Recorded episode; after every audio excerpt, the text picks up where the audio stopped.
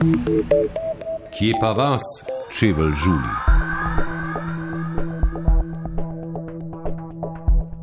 Pri ugotavljanju alkoholiziranosti voznikov je torej zgodovina daljnosežna, najstarejši se še spomnimo pozelenelih piščalk. Pravzaprav pa se v vseh teh letih nikaj prida spremenilo, razen merskih enot. To smo nekako vsi vzeli na znanje in se s preverjanjem strinjamo, čeprav bi se tudi tu dalo kako reči o novih spoznanjih medicine in o pravnem odnosu do razmeri med osebnostjo alkohola v krvi in dejanskimi vozniškimi sposobnostmi na cesti. Znano je, da ta pavšalna merila prilagajamo zgolj in samo povprečnemu zemljanu. Že pri darovanju krvi pa recimo nekaterim prostovoljcem vzamejo življenjske tekočine več kot drugim in to kar v razmerju 1 proti 4.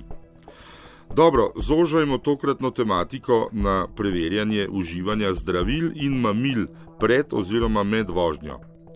Kar zadeva policijski del postopka, nam ga je na upravi uniformirane policije pomagal razjasniti Boštjan Smolej iz sektorja prometne policije. Postopki policije na področju ugotavljanja psihovičnega stanja voznikov so zelo natančno predpisani. Eh, tako v zakonu, kot eh, tudi v, v samem izobraževalnem procesu policistov.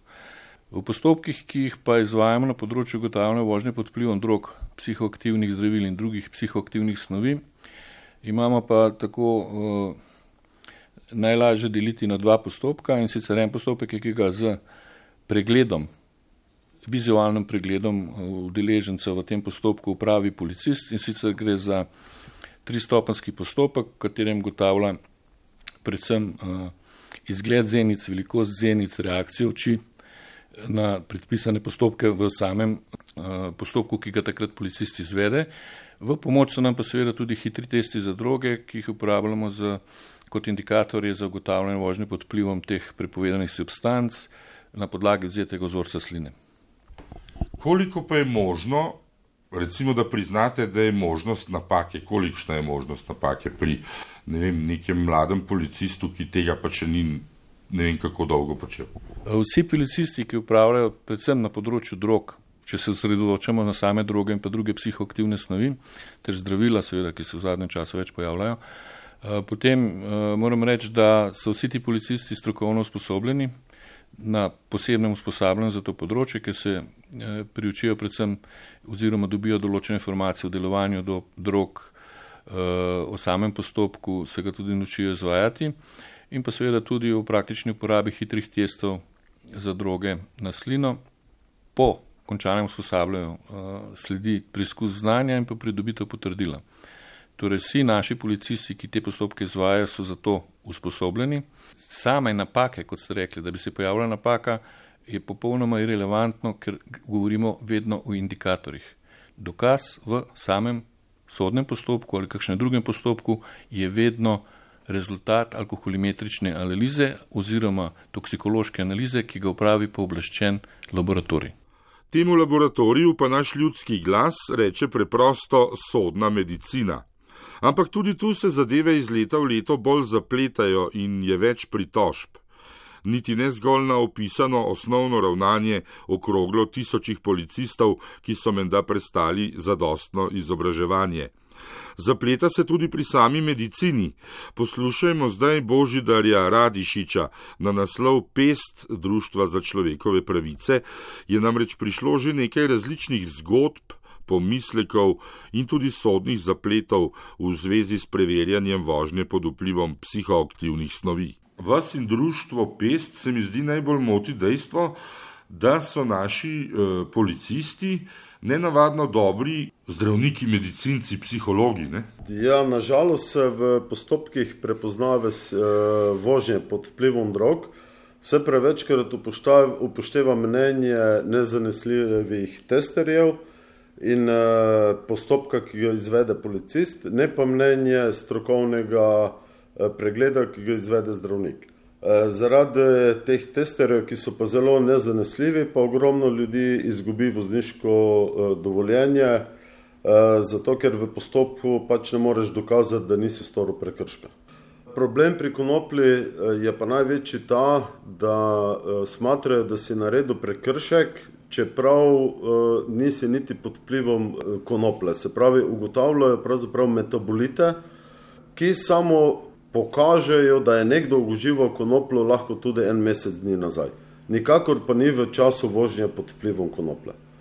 E, to je podobno, če primerjamo alkohol, če je nekdo danes, recimo v petek zvečer, popil in bi ga ostavili naslednjo sredo, bi še vedno imel metabolite alkohola in bi mu zaradi tega vzeli vozniško dovoljenje. Zdaj, če ugotavljajo prisotnost metabolitov posamičnih za nazaj, ne, tako rečeno, pa imajo za to sploh potrebna znanja. Mislim, tudi kot sem jaz razbral iz pravilnikov, eh, ki jih policisti morajo poštevati, eh, moraš že preden nekomu sploh ponudiš tisti tester, zaznati, da je z njim nekaj narobe. Da, eh, da samo pri nas nažalost se policisti včasih lahko privoščijo preveč. Namreč pravilnik o prepoznavi simptomov izredno pravi, da sme policist izvesti ta postopek samo, če sumi, da je pač nekdo pod vplivom določene prepovedane droge ali česarkoli, kar pravzaprav znižuje sposobnost za vožnjo. Še posebej je to problematično takrat, ko policist ugotovi simptome neke droge, deset minut kasneje pa zdravnik tega ne ugotovi. E, nažalost se pa še vse prevečkrat dogaja, da policisti ljudi oziroma udeležence v postopku prepričujejo, da naj ne gredo na strokovni pregled zdravniku, da si bodo samo še povečali stroške. To seveda sploh ne drži vedno. Že podatek, da z metaboliti oziroma presnovki lahko ugotovimo samo to, ali je nekdo nekoč poskusil kaditi travo, ne pa tudi dejanske vozne sposobnosti obravnavanega na točno tisti trenutek, ko so ga ustavili. Vse to sproža vprašanja, nekaj smo jih zastavili magistru Branku Bregarju iz Centra za zdravljanje odvisnosti od prepovedanih drog. Če čistko gledam kot iz medicinske stroke eh, na ta, na ta problem, potem bi lahko rekel, da eh, nam je to preverjanje, ki se v prometu izvajajo prometni policisti, je za neko eh, oceno, skrin oceno dobro, trenutno, kar se izvaja, ampak ob vsakem pozitivnem testu, ko pa pride do eh, rezultata, pa priporočamo, da pride hkrati še do kliničnega pregleda in do bolj relevant, da se izvedejo bolj klinično relevantni testi, kjer se dejansko ugotovi, kakšne so koncentracije določene psihoaktivne substance pri določeni osebi, kjer je izpostavljen eh, sum. Ker ne glede na to, mi vemo v medicini, da lahko pri določenem testu, ki je pozitiven, lahko tudi sovplivanje nekih drugih zdravil ali pa nekaj drugega lahko pomembno vpliva na ta, eh, na ta test. Ravno o tem tudi delno govorim, ne konec koncev ob cesti, ne, v prometu, izvajajo te postopke pač pretežno mladi policisti, ne, ki konec koncev uh, nimajo zveze z medicino. Ne. Ja, zdaj nekdo jih mora izvajati. To smo se že veliko krat pogovarjali tudi pri nas in se nam zdijo za to neko skrino ceno, ki jo lahko tudi starši naredijo pri svojih otrocih ali pa v svojem družinskem okolju, lahko test kupiš in izvedeš tudi doma. Vendar trdimo, da gre le to za neko Eh, splošno oceno, ki pa mora biti potem potrjena, klinično potrjena.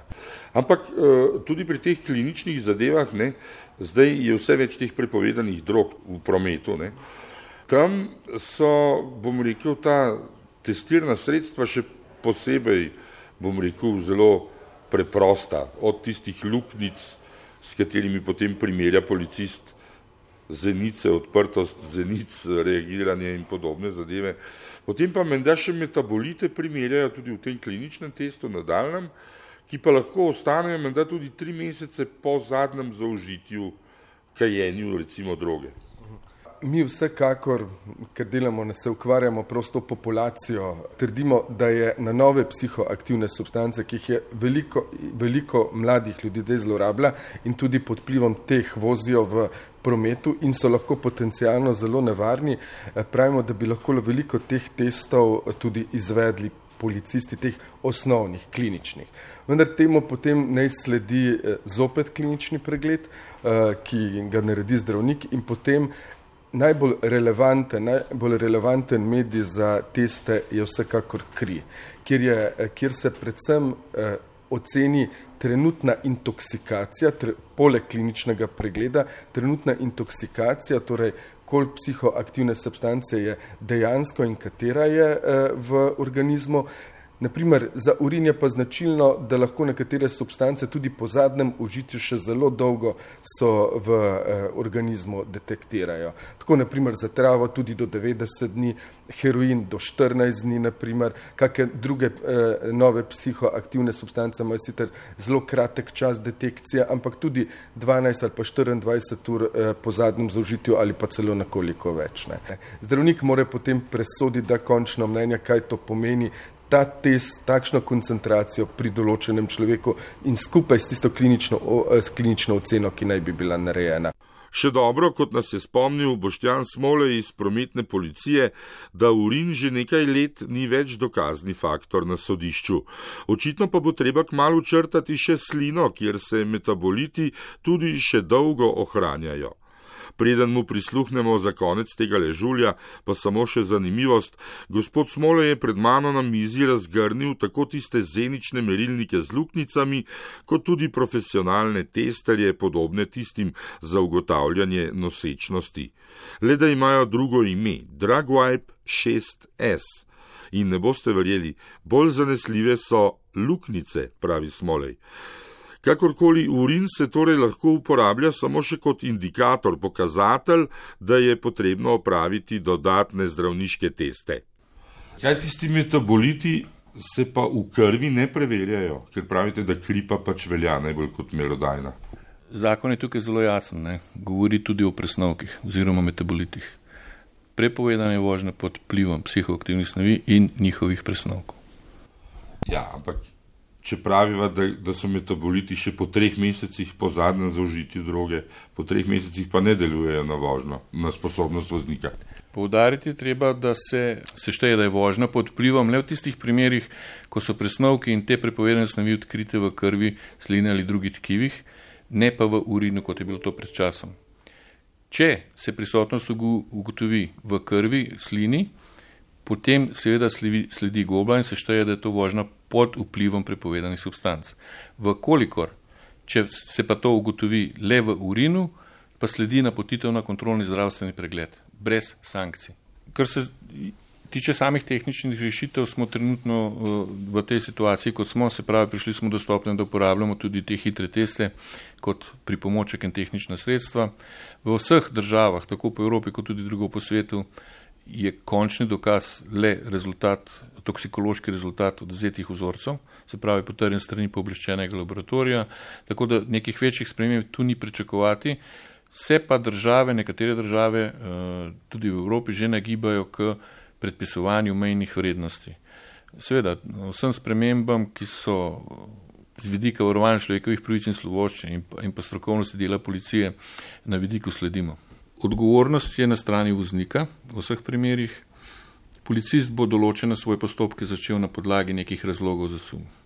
Ali gre za način vožnje, ali gre za obnašanje, ali gre za dah na koncu koncu iz vozila v obstojitvi in v tem primeru bo pač začel za postopkom. Eh, do kakšnih napak bi v tem postopku lahko prišlo, praktično na to ne poznam odgovora. Vkolikor, oziroma če bi pa v tem primeru smatrali, da je le neka napaka, ne, ima pa vedno voznik možnost preveritve rezultata. Ob rezultatu, ki ga pokaže indikator, ima vedno voznik možnost se ne strinjati s tem rezultatom. V teh primerih bo napoten na kontrolni oziroma mu bo odrejen uh, strokovni pregled za odzem vzorcev krvi, urina in tam preverjen rezultat, ki je seveda potem v veliki meri primerljiv lahko za, tudi z rezultatom indikatorja. Vse to, kar je Boštjan Smolej povedal na koncu, je seveda res težave se skrivajo v bolj oprijemljivih krivicah.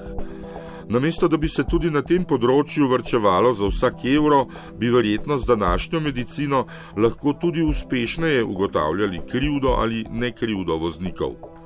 O tem pa bolj ali manj odloča zakonodajalec, parlament, ki se mu tudi veliko krat podtakne, kako gnilo jajce. Še posebej, če vemo, kaj in kako so na konopljo gledali policisti nekoč in danes ko je skoraj že priznano zdravilo, nekoč pa je bil hudič zelene barve. Tako pa bo marsikdo s pritožbo sicer dosegal svoj prav, a službe mu delodajalec ne bo nikoli vrnil, ločitve žena ne bo preklicala, skrbništva nad otroki ne bo dobil več in tako dalje. Pa še nekaj, tudi denarja za drage odvetnike nimajo vsi. Pa celo policistih vnaprej opozori, da si bodo med nadaljnimi postopki samo povečevali stroške. To in še kaj je pa že tema druge oddaje, verjetno celo daljše kot Žulji. Kje pa vas, čevelj Žuli?